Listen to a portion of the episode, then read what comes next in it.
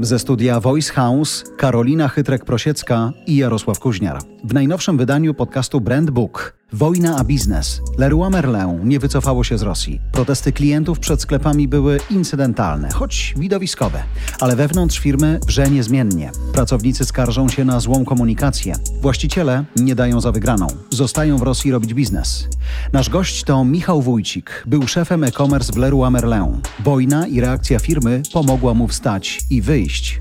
Nie był pewny, czy przetrwa takie wyskoczenie z TGW, ale pozbierał się i pracuje. Jego post na wewnętrznym portalu po angielsku wywołał prawdziwą burzę. Zapraszam do audycji, do oceny i do dyskusji.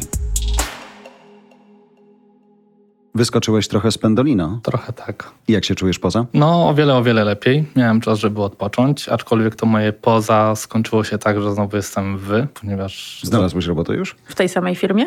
Nie. Chciałem powiedzieć na szczęście. Nie, nie, nie. Troszkę się w głowie mi pozmieniało, to znaczy miałem takie półtora miesiąca odpoczynku. Miałem dużo czasu, żeby przemyśleć. Chciałem trochę zrobić sobie dłuższą przerwę. Myślałem o pół roku, ale nagle jakby się okazało, że są rzeczy, nad którymi muszę się zastanowić. Te rzeczy to między innymi oczywiście mój kredyt mieszkaniowy, mhm. bo wyskoczyłem z Pendolino. Są rzeczy, o których na przykład nie pomyślałem. Nie pomyślałem o tym, że inflacja będzie tak duża i nagle Nikt zobowiązania... nie pomyślał, nawet prezes NBP. E, dokładnie, ale no zobowiązania nagle bardzo mocno urosły i stwierdziłem, że są takie rzeczy, które muszę sobie trochę przewartościować, ale też mam ten czas, żeby się zastanowić, gdzie chciałbym pracować. Mhm. I przez ten długi, długi czas, czyli te półtora miesiąca, chociaż zajęło mi to tak naprawdę trochę więcej czasu, tak naprawdę decyzję podjąłem po tym, jak wróciłem z Berlina. To było zaraz, może nie tak zaraz, no ale tam kilka tygodni po tym, jak wyszła wybuchła cała... Wojna, tak? tak? Jak wybuchła wojna, jak wyszła cały kryzys w mojej poprzedniej firmie. I wtedy stwierdziłem, ok, trzeba spróbować czegoś nowego, trzeba się zastanowić nad tym, co chciałbym dalej robić, ponieważ ja pracuję, u nas się mówi cały czas, że to są czasy WK, czyli w tych takich zmiennych czasach. Tylko ja pracuję w e-commerce od ponad 12 lat. Który jest dwuka do kwadratu. Jakby WK to jest jakby, Overnight. to jest jakby ja codziennie wstaję, to jest WK, więc e, jakby ja się totalnie tym gdzieś tam nie przejmowałem, ale rzeczywiście ten pęd był bardzo duży i zarówno COVID, jak i wybuch wojny bardzo mocno gdzieś tam myślę, że przeorał moją psychikę pod kątem tego, co chcę robić albo czego nie chcę robić i że należy mi się tak naprawdę odpoczynek, bo już zbliżam się powoli do 40, więc... Ale to zobacz, Ale- bo mamy, przepraszam Karolina, mamy dwa obszary jakby. Jeden to jest twoja granica 40, tak myślę. Druga to jest firma, w której pracowałeś, wojna, która się nałożyła na to wszystko. I co tutaj zaważyło na tym, żebyś wstał i wyszedł? No polityka firmy, ponieważ moje nastawienie było takie, pracowałem w Leroy w firmie, która bardzo dużo mi dała. Myślę, że najwięcej to, co mi dała, to są ludzie i ja zawsze będę mówił, że ludzie są tym, co tak naprawdę jest moim deriwerem w pracy. Pod kątem takiego mojego rozwoju myślę, że pierwszy rok. Pod kątem COVID-a to kwestia samego zarządzania, sytuacji kryzysowych, współpracy z, naprawdę z setkami ludzi, ponieważ to jest bardzo duża firma. I ja chciałem się dalej rozwijać w organizacji. Ale nagle się okazało, że organizacja, w której chcę się rozwijać, jakby prowadzi politykę, która jest totalnie sprzeczna z tym, o czym ja myślę na co dzień. Ja miałem jeszcze trochę taki przebłysk, ponieważ ja trzy miesiące przed wybuchem wojny byłem w Lwowie. No kilka dni odpoczynku, więc no, ja byłem zauroczony miastem, więc ja miałem bardzo takie świeże też spojrzenie na to, jak się dowiedziałem, że Lwów jest atakowany i, i oczywiście oglądałem relacje. Wtedy chyba tak naprawdę do mnie dotarło, że to jest ten moment, kiedy ja muszę trochę się zastanowić nad tym, czy ja chcę pracować w takiej firmie. Poglądy, czy też nazwijmy to tak naprawdę PR i to, co jest przekazywane na zewnątrz, jest totalnie przeciwko. Mhm. przeciwko temu, o czym ja myślę. Zacząłem rozmawiać o tym z przyjaciółmi. Czy to będzie dobry ruch, ponieważ oni wiedzą, że ja jestem człowiekiem hardworking, który cały czas przychodzi do pracy, gada o pracy, ma znajomych w pracy, poza też, no, ale mimo wszystko gdzieś tam to mnie naprawdę mocno drajwuje i nagle ja chcę coś przestać, chcę przerwać i tak naprawdę nie mam planu B, ponieważ nie miałem planu B. No tak. Plan B dopiero zaczął gdzieś tam się Ewoluować. przygotować. Mhm. I akurat ta cała sytuacja, kiedy zacząłem bardzo mocno o tym myśleć, ponieważ jak wybuchła wojna, no każdy myślał tak naprawdę o wojnie. W momencie, kiedy wybuchł kryzys w firmie, w której zacząłem pracować, ja jeszcze o tym nie myślałem, ponieważ akurat byłem za granicą, ponieważ lubię te moje city breaki i akurat byłem w Berlinie. Dowiedziałem się, co się dzieje i mówię sobie, okej, dobra, jak był weekend, aczkolwiek już czułem przez skórę, że to będzie bardzo gruba akcja. I nagle poniedziałek mnie nie ma, wtorek mnie nie ma, przychodzę w środę do pracy, jest jakby mnóstwo pytań, zero odpowiedzi. Z twojej I strony pytań. Z mojej strony i ze strony mojego zespołu również. Okazało się, że tak naprawdę przez cały weekend nic się nie wydarzyło. Nie została przekazana żadna informacja wewnątrz firmy, która... No właśnie, bo chciałam cię zapytać, czy to jest tak, że zaważyły wartości, bo czasami w życiu tak się zdarza, czy zaważyło złe zarządzanie firmy polityką informacyjną w stosunku do zespołu? E, myślę, że to drugie również. Chociaż to by było jeszcze dla mnie do przeżycia, gdyby nie oświadczenia ADO, czyli firmy, która tak naprawdę no, sprawuje trochę władzę nad Leroy. Leroy mhm. ma dużo do powiedzenia, ale jednak ADO, grupa ADO ma dużo do powiedzenia i to wspólna polityka, ponieważ w grupie ADO nie tylko jest Leroy, ale również jest Auchan i są jeszcze inne marki i przez to, że zostają w Rosji, to nie chodziło tylko o moją firmę. W momencie, kiedy zobaczyłem jedno oświadczenie, które było bardzo istotne, to było oświadczenie prezesa ADO, o tym, że zostają w Rosji. Ja zrobiłem ten mój pierwszy krok w kierunku wyjścia, skomentowałem, co ja na ten temat sądzę. Na naszym workplace, czyli na takim Facebooku dla, no, czyli dla bardziej firmy. public niż private. Ja bardzo głośno też mówiłem w firmie, że to mi się nie podoba, to co się dzieje i tak dalej, aczkolwiek też nie wiedziałem, co się dzieje, nie wiedziałem, jakie firma ma plany. No, komunikacji dla mnie nie było. Dla mnie, dla osoby, która nazwijmy, że byłem kierownikiem średniego szczebla, no zarządzałem e-commerce'em, no. ale jakby układając sobie powiedzmy, Ale miałeś żeby... też swój zespół, tak? No miałem, oczywiście miałem e, swój zespół ciebie, tak. i ludzi, którzy tak naprawdę też po prostu prostu gdzieś tam byli zostawieni sami sobie. To były takie rzeczy, no ja w pewnym momencie powiedziałem sobie, ok, jakby Pierwsze chciałem oczywiście skomentować coś na LinkedInie, ale ja jestem po marketingu politycznym, więc też mam tak Ach, trochę... social media. To jest tak, że muszę sobie wziąć głęboki oddech, ja mogę sobie napisać cały post, ale nie muszę go publikować, to już wiem, że jakby zrobiłem to swoją pracę. Tutaj ten post tworzyłem dość długo. To znaczy długo dla mnie to było powiedzmy jakieś 40 minut do godziny, ponieważ chciałem go jeszcze tak wyplorować, mm -hmm. żeby też nikogo nie obrazić, ale z drugiej strony powiedzieć jasno, e, jaki ja mam tak. stosunek do, do tego całego oświadczenia, ponieważ grupa patrzy pod kątem grupy, czyli pod kątem przychodów całej firmy, pod kątem oczywiście zysków i strat. Polska, mimo że jakby w grupie jest dość wysoko pozycjonowana, to jednak Rosja jest wyżej. Jakby nie mam tutaj co ukrywać. Stwierdziłem, że jakby no Polaków zostawiają tak naprawdę samych sobie i to, co my wytworzyliśmy wraz z zespołem. COVID dał nam ogromny boost, jeżeli chodzi o sprzedaż internetową, jak w każdej tak naprawdę mhm. firmie, ale tu naprawdę no, ponad 70 sklepów, w każdym click and collect, czyli możliwość odbioru produktów w sklepach. Do tego szliśmy bardzo mocno w kierunku takim omnikanałowym, więc pracy było bardzo dużo i nagle to zostało zaprzepaszczone. Dla mnie to była przeogromna strata. To były trzy lata mojej pracy, pracy mojego zespołu i to takiej naprawdę bardzo ciężkiej, również projekt menadżerów i nagle to gdzieś tam totalnie uciekło. Już wiedziałem, że jesteśmy zostawieni sami sobie, będziemy musieli sobie poradzić. Wiem, jak wygląda pracuję we francuskich firmach od kilku lat, jakby KPI na koniec roku, tak, tak muszą się zgadzać. No i dałem ten post. No i zrobiła się burza, ponieważ dużo moich współpracowników zaczęło lajkować ten post. Nie wszyscy, nie mhm. każdy się z tym gdzieś tam zgadzał, ale no, zrobiło się o nim bardzo głośno w firmie. Osobiście dostałem bardzo dużo wsparcia, zarówno od moich bezpośrednich przełożonych, jak i od mojego zespołu. Przełożonych? Przełożony, w sumie przełożonej. Byłeś, no właśnie, właśnie bo ty nie byłeś najniżej w strukturze. Nie no, zostałeś wezwany na dywanie. E, spodziewałem się tego, ale się tego totalnie nie obawiałem. Mhm. To znaczy są takie rzeczy, gdzie jak jestem już czegoś w 100% pewien, no nie ma przeproś, ja tam mogę iść na noże, jeżeli wiem, że wygram. Żyjesz w zgodzie ze swoim... No tak. ale, ale to było tak, że jeżeli bym był wezwany na dywanik, wtedy na pewno by się pojawił post na Że na się pojawił, tak, że zostałeś wezwany. Zdecydowanie tak, a wiedziałem, że tak się nie stanie. To znaczy czułem to przez skórę, że jakby nie będą chcieli bardziej zaogniać sytuacji, ponieważ ten mój komentarz wywołał falę wszystkich innych komentarzy, a to, co było dla mnie również istotne, dlaczego dałem ten komentarz, dlatego że wtedy pojawił się też post między innymi na LinkedInie od y, Ludmiły, która była w HR-ach w Ukrainie.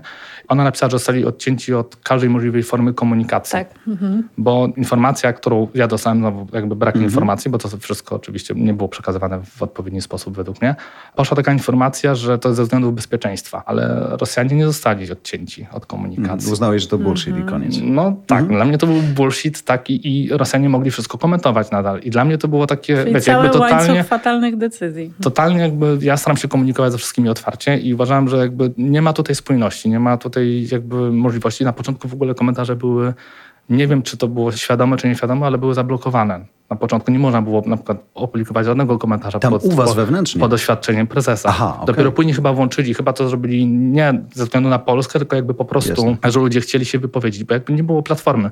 Niby była platforma, ale tak naprawdę nie było platformy, w której Platforma wszyscy... do oświadczeń. Do oświadczeń, no tak, to była taka platforma, właśnie. No Jednostronna. Mhm. Ale wiesz, to jest ważne, na co Karolina zwróciła uwagę, w ogóle o tym nie myślałem w ten sposób, że być może gdyby oni ogarnęli komunikację i powiedzieli, słuchajcie, dla nas ten biznes jest ważny, wiecie jak on jest duży, nie możemy sobie pozwolić na to, żeby się wycofać. Nie wiem, jakich by użyli argumentów, czy w ogóle są jakieś, które by cię przekonały. Czy to byłoby tak, że gdyby oni ogarnęli politykę informacji, dlaczego zostają inaczej, zostałbyś? Musiałbym się nad tym zastanowić. Nie jestem w 100% pewien. Wydaje mi się, że nie, dlatego że nawet gdyby to ogarnęli bardzo szybko, tak naprawdę dużo się już wydarzyło. To znaczy, my zobaczyliśmy to, co się dzieje w Ukrainie, zniszczone budynki, no i bohater w swoim domu, to hasło przestało istnieć. Tak, no jakby ja byłem cały czas na bieżąco, jestem człowiekiem mediów społecznościowych.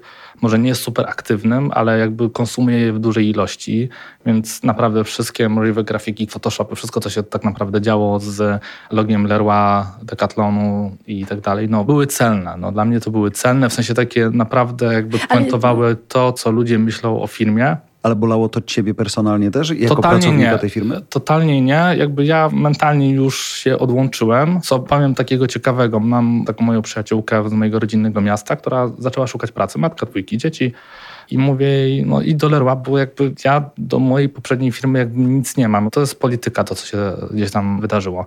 Mówię jej, bo jakby firma jest fajna, ludzie są fajni, ten cały socjal też jest bardzo, bardzo w porządku.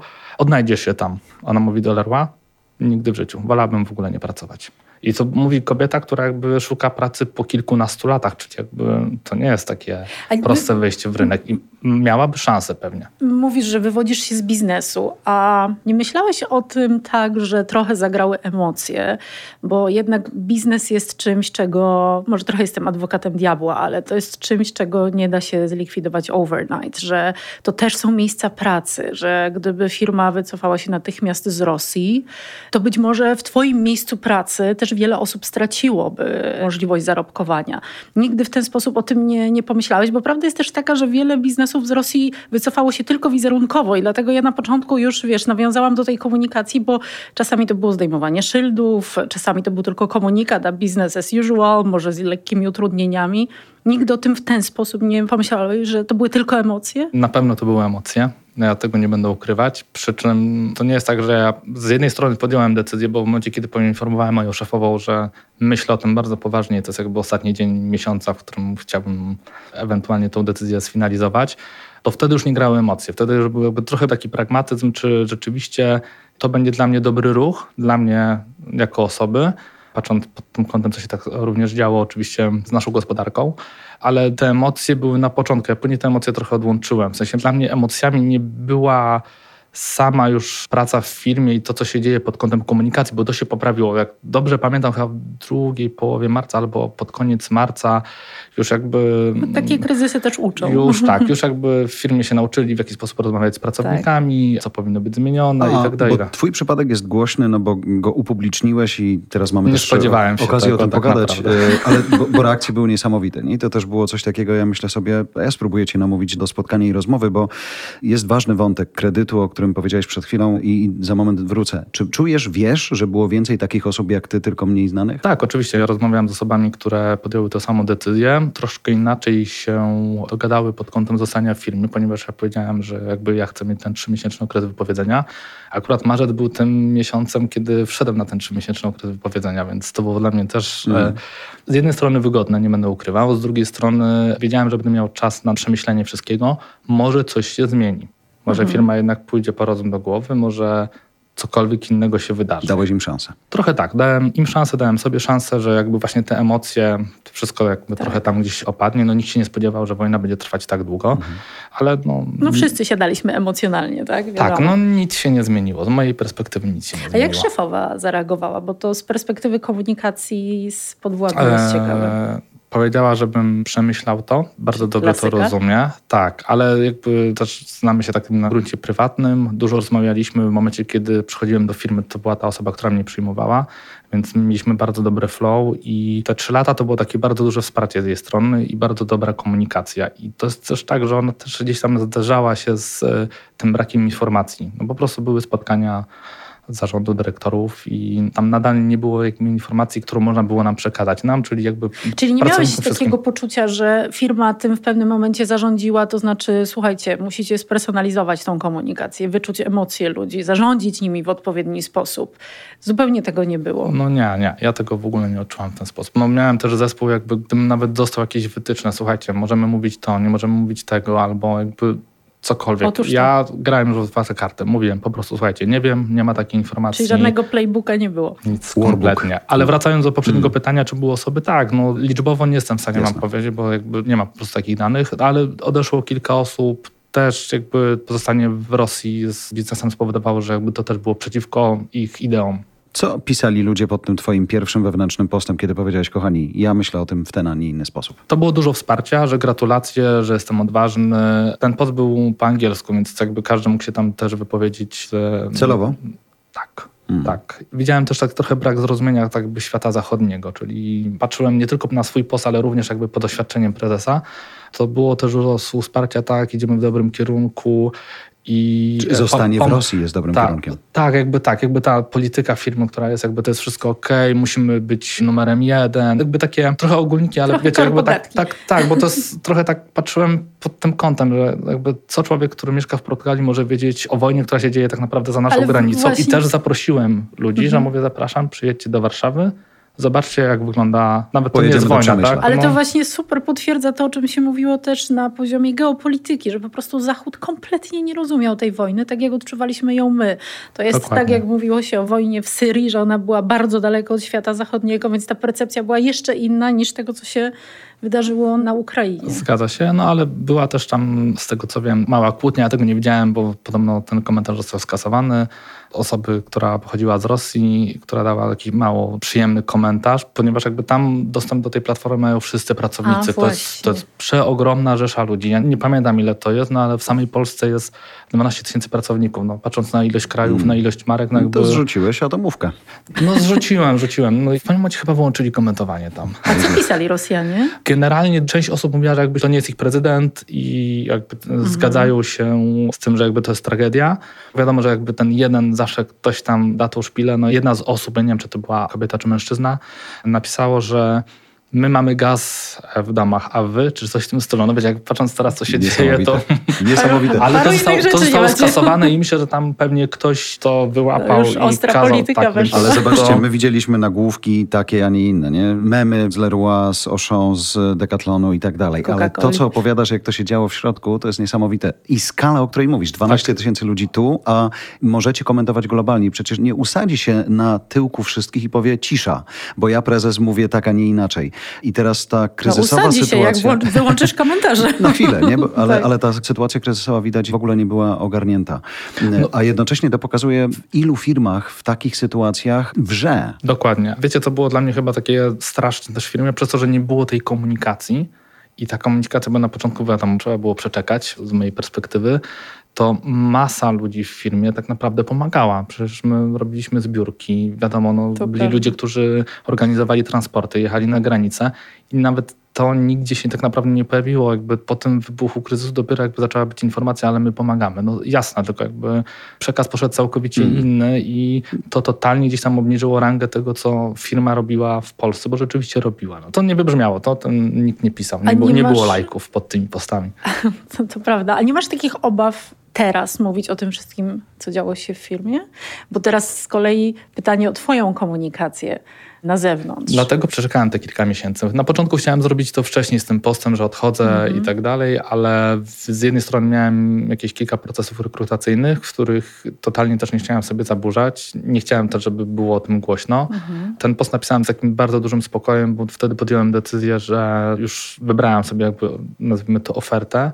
Mogę to zrobić. Przez ten czas też się zastanawiałem, jak będę odbierany w momencie, kiedy rzeczywiście powiem o tym głośno, dlaczego odchodzę. No bo nikt nie chce mieć kłopotliwego członka w swoim Tak. W zespole. nowej firmie i w nowej firmie, no z nie wiadomo tak naprawdę z jakim PR-em, aczkolwiek jakby ja przez całe swoje życie staram się być bardzo fair wobec ludzi, staram się być fair wobec swoich poglądów i jakby no wiadomo z wiekiem do pewnych decyzji się dojrzewa. I tu było też tak, że jakby wiedziałem, że ta firma dużo mi dała, ale też dużo przy niej straciłem. Nie za wszelką cenę. Tak, to jakby to jest czas, to są nerwy, to jest ta właśnie tak jakby chwiejność w tym wszystkim i mogę sobie powiedzieć, ok, stop, tak jest, tak to wygląda, jeżeli ktoś nie będzie chciał ze mną współpracować, no trudno, jak nikogo do tego nie zmuszę, no ale są osoby, które bardzo chciały ze mną współpracować, Ale więc jednak, to jest plus. jeśli dobrze ci zrozumiałam, powiedziałeś, wybrałem sobie już ofertę, czyli miałeś gdzieś w tyle głowy, że taki głos pracowniczy, krytykujący pracodawcę może nie być dobry. Dokładnie tak. Zastanawiałem się nad tym, czy nie szukać oferty gdzieś za granicą, ale też nie miałem do końca na to planu, bo to było trochę tak, że ja sobie te trzy miesiące.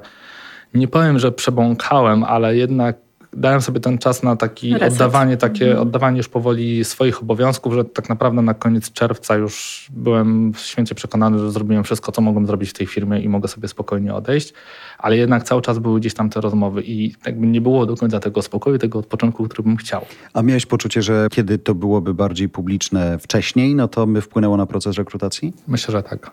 Negatywnie. Na Bo wiesz, pewno- pomyślałem sobie, że przecież powinni otwierać ręce i mówić Myślę, odważny człowiek. e, Na początku myślę, że było bardziej pozytywnie, teraz myślę, że to było bardziej neutralnie, za jakiś czas myślę, że to było bardziej negatywne. Ale nie chciałem sobie robić, nazwijmy dodatkowego kłopotu, ponieważ jakby ze wzrostem popularności jest, nawet teraz jak opublikowałem Mm. post, miałem już jakby kilka opcji do rozmowy, tylko że już wiedziałem, że jakby to nie jest ten etap i wiem, że wcześniej to by spowodowało, że tych rozmów byłoby więcej. A uwierzcie mi, pracując w korporacjach i biorąc udział w tych niekończących się rekrutacjach, które trwają tygodniami, to naprawdę ja nawet nie byłem w stanie sobie zaplanować tak naprawdę urlopu. Mój urlop był właśnie teraz, szczęśliwy, cudowny, ale tak naprawdę przez ten długi okres czasu, bo to minęło prawie 5 miesięcy ponad, to ja naprawdę nie byłem w stanie nic zrobić. A wiesz, co mnie ciekawi, bo to, co mówisz, to jest tak, że bardzo czynnie wpisałeś się w ten bojkot Leroy Merlin.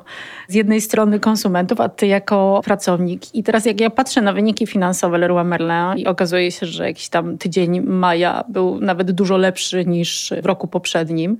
Opieram się na danych, które są publikowane. To pytanie, czy ty nie czujesz się frajerem trochę? Nie, aczkolwiek to, co wspomniałem wcześniej, trzy miesiące, żeby sprawdzić, co będzie się działo. I Ale co, jak klienci zareagują? Czy co? Nie, nie, jak firma zareaguje? Czy coś się zmieni pod kątem polityki, pod kątem zarządzania? Dla mnie to nie jest takie, że to jest decyzja tylko prezesa, tylko jakby wiadomo, to jest jakby bardziej skomplikowany cały proces. Co do wyników, no nie mogę się za bardzo odnieść. Ale to ktoś w takim Aczkolwiek razie dobry nie- PR wykonał. Aczkolwiek słuchaj. się nie zgadzam. Może jeżeli to był dobry tydzień, no super. Wiadomo, no to jest tak, że musimy pamiętać o jednej rzeczy. No są ludzie, którzy mają sklepy Leroy blisko i będą tam robić zakupy lub mieli już coś zakontraktowane i Tak. musimy też brać pod uwagę, że jeżeli chodzi o DIY, myślę nie tylko DIY, ale tak naprawdę no w DIY no jakby ceny poszczególnych surowców rosły tak mocno w górę, Tak. że dla ludzi, którzy budują mieszkanie, to czasami to Siłą było plus rzeczy, 30-40%. No dodatkowo obroty do- rosły.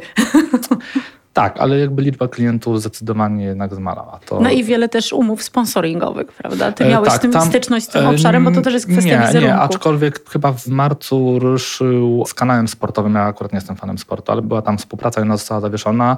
No i oczywiście wszelkiego rodzaju programy, jakby to zostało dość mocno ograniczone. Ale miało to bardzo mocny wpływ, ale teraz widzę, że jakby reklam jest dużo więcej. Myślę, że Leroy w tym roku wyda dużo więcej. Choć mam takie poczucie, że wciąż być może, kiedy opowiadasz o tym, widzę ciebie stąpającego po takim bardzo cienkim lodzie, że nie wiedziałeś, czy ta prawa noga to już właśnie będzie przełamanie, wpadnę pod wodę, czy nie, ale użyłeś też bardzo ważnego sformułowania, o którym wiele osób przede wszystkim myśli, kiedy zastanawia się, czy to już zagraża moim wartościom i powinienem, powinnam podjąć jakąś decyzję, albo nawet jeśli to nie chodzi o wojnę, ale chcę odejść z korporacji, to sprawdzam, co mam i co mogę stracić. Ty mówisz, nie miałem planu B. No, nie nie miałeś miałem. czasu go mieć? Nie miałem, dlatego że pracowałem przy kilku projektach. To znaczy, te projekty się tam zmieniały z biegiem czasu, i to, co mnie bardzo mocno trzymało w firmie, to był mój zespół, który był fenomenalny. Jakby dla mnie przychodzenie z uśmiechem do pracy, nawet mimo wszystko, wiecie, w korporacjach jest jak jest, są plusy Różne i minusy, są. ale no, zespół miałem naprawdę świetny, któremu w 100% ufałem i to było też tak, że ja z chęcią przychodziłem do biura. Ja zresztą w czasie COVID-u byłem jedną z niewielu osób w firmie, która przychodziła prawie codziennie do biura ponieważ ulice były puste, mogłem sobie jechać na rowerze, jakby miałem ten czas na tę aktywność i w biurze była w końcu cisza. Taka, że można było sobie spokojnie popracować, plus wiadomo, kilka monitorów i jakby to była ta jedna część, czyli ja bardzo lubiłem biuro, no i ludzie zaczęli się pojawiać w biurze, więc ten czas covidowy, on był dość ciężki, ale jakby my się bardzo fajnie gdzieś tam graliśmy i... No to było wyzwanie, nie? Dla komersu jako takiego bardzo Tak, no patrząc na to, jakiego rodzaju szefem byłem, jakby u mnie ludzie totalnie nie obawiali się powiedzieć mi wszystkiego, czego się obawiali, co im nie pasowało. Jakby naprawdę potrafiłem, potrafiłem usłyszeć wiele rzeczy, ale dla mnie to był plus, ponieważ ja wtedy wiedziałem, czy mogę zadziałać, czy nie mogę zadziałać. Starałem się być... Pracować z emocjami ludzkimi też. Tak, a nie uważam Mhm. się za jakiegoś tam super przełożonego, aczkolwiek te słowa, które dostałem na pożegnanie, to było dla mnie wow. Bo wiesz, Michał, wiele osób mówi, też bym zrobiła tak jak ty, ale mam kredyt. A ty mówisz, zrobiłem No to, ale mam kredyt. Jedna rzecz, którą się nauczyłem w covid to jest oszczędzanie. I naprawdę rzeczywiście to nie było tak, o nagle zaczynam oszczędzać. To było na początku zamknięte restauracje, więc gdzieś tam siłą rzeczy, zamknięte kluby, no to siłą rzeczy. Brak wyjazdów, to jest jakby mhm. główna część mojego budżetu. I tak krok po kroku jakby zacząłem o tym myśleć. Oczywiście jakby otwarcie znowu rynku, jakby mówię tutaj jakby świata na doznania, spowodował, że jakby ta górka rzeczywiście gdzieś tam zmalała. Zacząłem sobie liczyć, ile tak naprawdę kosztuje mnie życie, na co mogę sobie pozwolić z biegiem czasu i na ile mogę sobie pozwolić ewentualnie nie pracować. Bo mój taki ambitny plan był wyjechać na pół roku, totalnie sobie odpocząć, może podszkolić język. No oczywiście, jeżeli mówię na pół roku, to raczej myślę o Azji, czyli mówimy o jakimś tańszym koszcie, najdroższy koszt to jest oczywiście bilet. Ale z dobrym jedzeniem. Ale z dobrym jedzeniem, dokładnie. Tylko, że wtedy moja rata kredytu była dobra. Mniejsza. była dobra i rzeczywiście, tak jak sobie wtedy liczyłem, no ten rachunek zysków i kosztów, które musiałem ponieść był taki akceptowalny. Mówię, dobra, pół roku jestem w stanie wytrzymać. Może nawet dłużej, jak zacisnę pasa, ale z tym mogłoby być różnie. No ale... A już wtedy był wątek wojny, czy nie? Właśnie tej nie, decyzji. Nie, nie, nie. To wtedy, było po prostu jakby niezależne ja, od tego. Ja, to są jakby znowu kwestia, ja od 12 lat nie miałem chyba żadnej przerwy tak naprawdę. Mój najdłuższy urlop to było 3,5 tygodnia właśnie w Azji, ale ja tak, tak, naprawdę komfort. ja cały czas na te 12 lat jakby odkryłem, że ja potrafię odpoczywać, mogę odpoczywać, tylko muszę mieć ten moment na wyłączenie się. No ale rzeczywiście jednak COVID i jakby ilość pracy, która była, ta ilość stresu, która gdzieś tam się pojawiała, ona była podświadoma. Dla mnie to była jakby normalna praca, ale jednak to się Oczywiście. gdzieś tam odbija na zmęczeniu, po prostu na wiecznym zmęczeniu i braku możliwości koncentracji. Wiedziałem, że jakby ja muszę taki odpoczynek mieć. To, czy bym sobie zrobił przerwę w firmie, czy bym odszedł do innej firmy, to już była tak naprawdę inna działka. Czyli kiedy... ten, ten, obszar wielkiej rezygnacji tak zwanej na rynku pracy. Ale powiedz... Bo... Oj, chciałem. czy teraz, bo rozumiem, że już masz nową pracę albo przynajmniej jej szukasz, czy to jest Już tak, mam. że patrzysz na politykę komunikacyjną tej firmy, biorąc pod uwagę te doświadczenia, które tak, miałeś? E, nie poszedłem do korporacji. Pracuję z osobami, z którymi wcześniej pracowałem, mają swoją działalność polityka komunikacji była świetna, ponieważ pierwsze zapytanie, które mi zadali, czy chcę pracować w korporacji, czy chcę po prostu mieć wpływ na wszystko, ponieważ mhm. szukają osoby, która będzie ogarniała. Ja to widzę przy współpracy z klientami, przy rozmowach z pracownikami. Tam jest w 100% jakby otwartość odnośnie tego, co firma robi, jakie są plany, czego potrzebujemy, z czym nie domagamy. To jest super. Wiadomo, jakby jestem pod wrażeniem, bo to są pierwsze tygodnie pracy jest bardzo dużo, ale... Zapraszamy za rok. Tak, no właśnie, ale w, tak patrząc, ta polityka rzeczywiście komunikacji jest całkowicie inna. A jak robiłeś rekrutację, bo to jest też ciekawe, że jesteś takim pracownikiem, którego brand zweryfikował się poprzez właśnie komunikację i budowanie jakichś określonych wartości, nie tylko na papierze, ale właśnie w praktyce. Papier przyjmie wszystko i wszyscy Dokładnie. wiemy, że właśnie sam wspominałeś o tych pięknych korpo komunikatach. Czy ludzie, których rekrutowałeś, pytają w ogóle o to, jak wygląda polityka komunikacyjna firmy, jak wygląda relacja szef-pracownik? Czy to się zmieniło właśnie po hmm. covid po tym okresie wielkiej rezygnacji? Nie, większość osób z tej mojej działki komersowej raczej pytała o pracę zdalną. Mhm. To, jakiego szefa szukają lub szefowej, to raczej były pytania, które wychodziły ode mnie. Mhm. Generalnie tak naprawdę chyba praca zdalna to była... Ale zobaczcie, bo to też oprócz komunikacji, to, jest... to jakby wydarzenia ostatnich kilku lat kompletnie zweryfikowały postępowania firm. Tak? W twoim przypadku wybuch właściwie nie wojny, ale atak po prostu Rosji na Ukrainę ponowny spowodował, że być może wszyscy muszą zweryfikować komunikację w firmie. Pandemia zweryfikowała zarządzanie czasem pracy.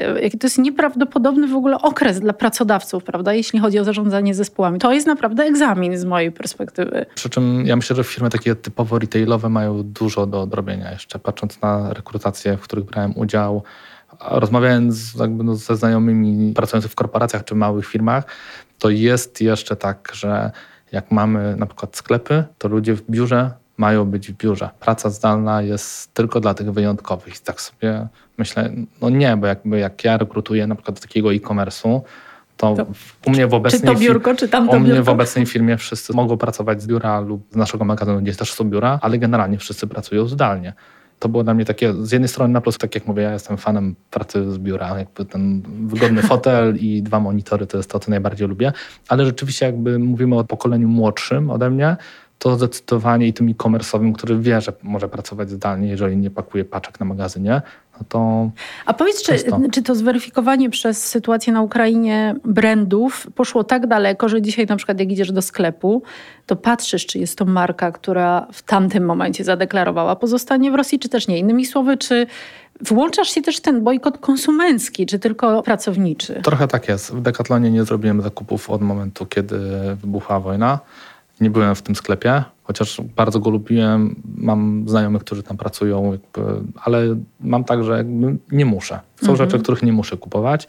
Są też brandy, jeżeli chodzi o food, których rzeczywiście ja nie, albo czasami jest tak, że jestem gdzieś tam właśnie ze znajomymi na wyjeździe, jesteśmy na wspólnych zakupach i mówię, a nie, tego nie kupujemy, bo tutaj wspierają. I to jest tak Czyli nie, jednak. Po, nie pomyślałbym mm. o tym, bo jakby mm. nie wszystkie pamiętam. Jakby to nie jest tak, że mam listę i sobie... E, Jasne, ale jak ci się skojarzy, to dokonujesz świadomego wyboru tak, po prostu. No zdecydowanie tak, mm. zdecydowanie tak. A ja ostatnio musiałem wylądować w Decathlonie z córką i szedłem przez sklep wiedząc, że my będziemy rozmawiać i patrzyłem na tych młodych ludzi, którzy świetnie robili swoją robotę. I myślałem sobie, czy ja powinienem myśleć o nich źle że ich firma się nie wycofała? Totalnie nie, bo to jest jakby decyzja firmy, a nie poszczególnych osób. Wiesz, oni mogliby tak zrobić jak ty, nie? Ale to jest zawsze tak jednostkowy przypadek, że o, strasznie trudno jest potępiać w czambu, nie? Mm, tak, oczywiście, że tak. U mnie no, mnóstwo znajomych zostało w firmie. Ja ich w żaden sposób nie potępiam. Ja po prostu miałem tę możliwość. Mm. u mnie się nałożyło jakby na to też kilka rzeczy ale rzeczywiście wojna w Ukrainie i decyzja firmy była, nazwijmy to, wisienką na torcie nie wiem, czy to jest dobre porównanie, ale tak powiem, że mówię, ok, stać mnie na to, bo It's to jest enough. bardzo ważne. Jakby patrząc na to, mm -hmm. co się dzieje w Polsce, powtarzam się, ale jakby to, co się dzieje w Polsce, jak mocno idą ceny w górę i naprawdę jakby ludzie będą mieć z tym bardzo duży problem, ja mogłem sobie pozwolić na to, żeby powiedzieć sobie stop, jakby mi to nie pasuje. Bo zobacz, nawet powiedziałeś, stać mnie na to pewnie w przenośni, ale dla wielu to jest właśnie ten wybór, czy mnie na to stać, co wcale nie musi oznaczać, że nie jestem odważny, bo jak sobie popatrzę na to, kogo mam w domu, co mam w domu, czy mnie na to stać nie tylko finansowo, ale też mentalnie, rodzinnie, strasznie trudne rzeczy. Bardzo. Ja z zespołem bardzo dużo rozmawiałem. Mój zespół, a powiem, że w 100% był rzeczywiście bardzo, bardzo zły na tą całą sytuację, która się wydarzyła. Myślę, że to też jest e-commerce. Ja akurat nienawidzę określenia specyficzna branża, ale taka jest.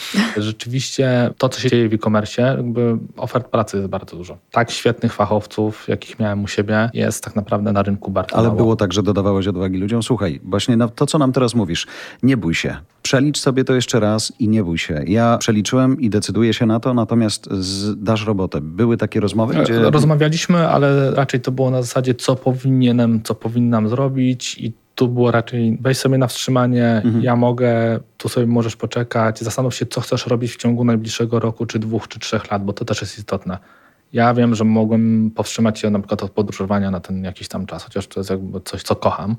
To były te rozmowy takie już głębsze, na zasadzie ok, rzeczywiście może warto przeczekać, może coś się zmieni, może kwestia jakiegoś awansu, zmian w firmie, bo decyzja jakby ADO to jest jedna rzecz, ale że firma będzie się rozwijać, będzie, tylko że będzie musiała zrobić strasznie dużo hmm. tak naprawdę pod kątem wizerunkowym, Właśnie... pod kątem sprzedaży, bo to ma wpływ tak naprawdę na wszystko. Właśnie sobie zanotowałam pytanie do ciebie. Czy twoim zdaniem firma wyciągnęła wnioski, przeanalizowała konsekwencje wizerunkowe początkowej fazy komunikacji swojego mm, brandu? Myślę, że tak. Myślę, że ta komunikacja, która później się pojawiła, już była zdecydowanie lepsza. Rzeczywiście ludzie zaczęli zadawać pytania już tak na, na forum już bezpośrednio też do prezesa, więc ja widziałem jakby ten wzór samego postępowania, ale jakby dla mnie to już było na plus. Jakby nie każdy się na tym zna, nie każdy wiedział, że może zadać to pytanie, bo ludzie się boją zadawać pytań. No, to jakby jest bo boją się o miejsce pracy też. Dokładnie, ale jakby ja to przechodzę w każdej korporacji. Każdy się boi zadać pytanie. I w Przechodziłem. tak, w końcu nikt tego pytania nie zadaje. Ja miałem jedno takie spotkanie, gdzie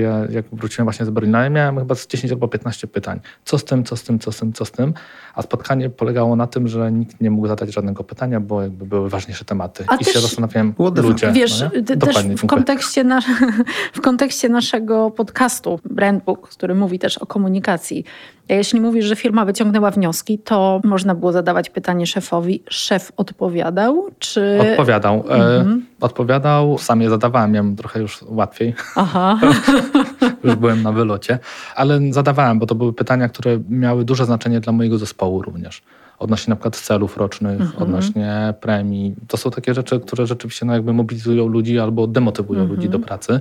I wiem, że pewnie oni by nie zadali tego pytania, bo nigdy nie słyszałem, żeby ktoś poniósł konsekwencje, ale nieraz słyszałem w korporacjach, że niepotrzebnie wychodziłeś, wychodziłaś z tym pytaniem no tak. i tak dalej. Jakby... Korporacje kochają, żeby wszyscy byli w jednym szeregu. Town hall, zadawajcie wszystkie pytania, ale tego nie, tego do, nie, tego nie do... i tego nie. Ale i myślę, że to, że potem mogliście mieć taką styczność bezpośrednią właśnie z prezesem, której nie było na początku, który tylko wydał oświadczenie i zero komentarza, to zmieniło nastawienie pracowników? Zmienił się nastroje trochę. Ja Jednak. myślę, tak, minął ten pierwszy szok, nagle jakby powoli jeżeli wracał, nazwijmy to plan marketingowy, znaczy nie chcę jakby tutaj mhm. mówić źle, ale jakby no wrócił ten taki plan marketingowy, no trzeba coś robić, przecież nie możemy stać w miejscu, to jest jakby normalne.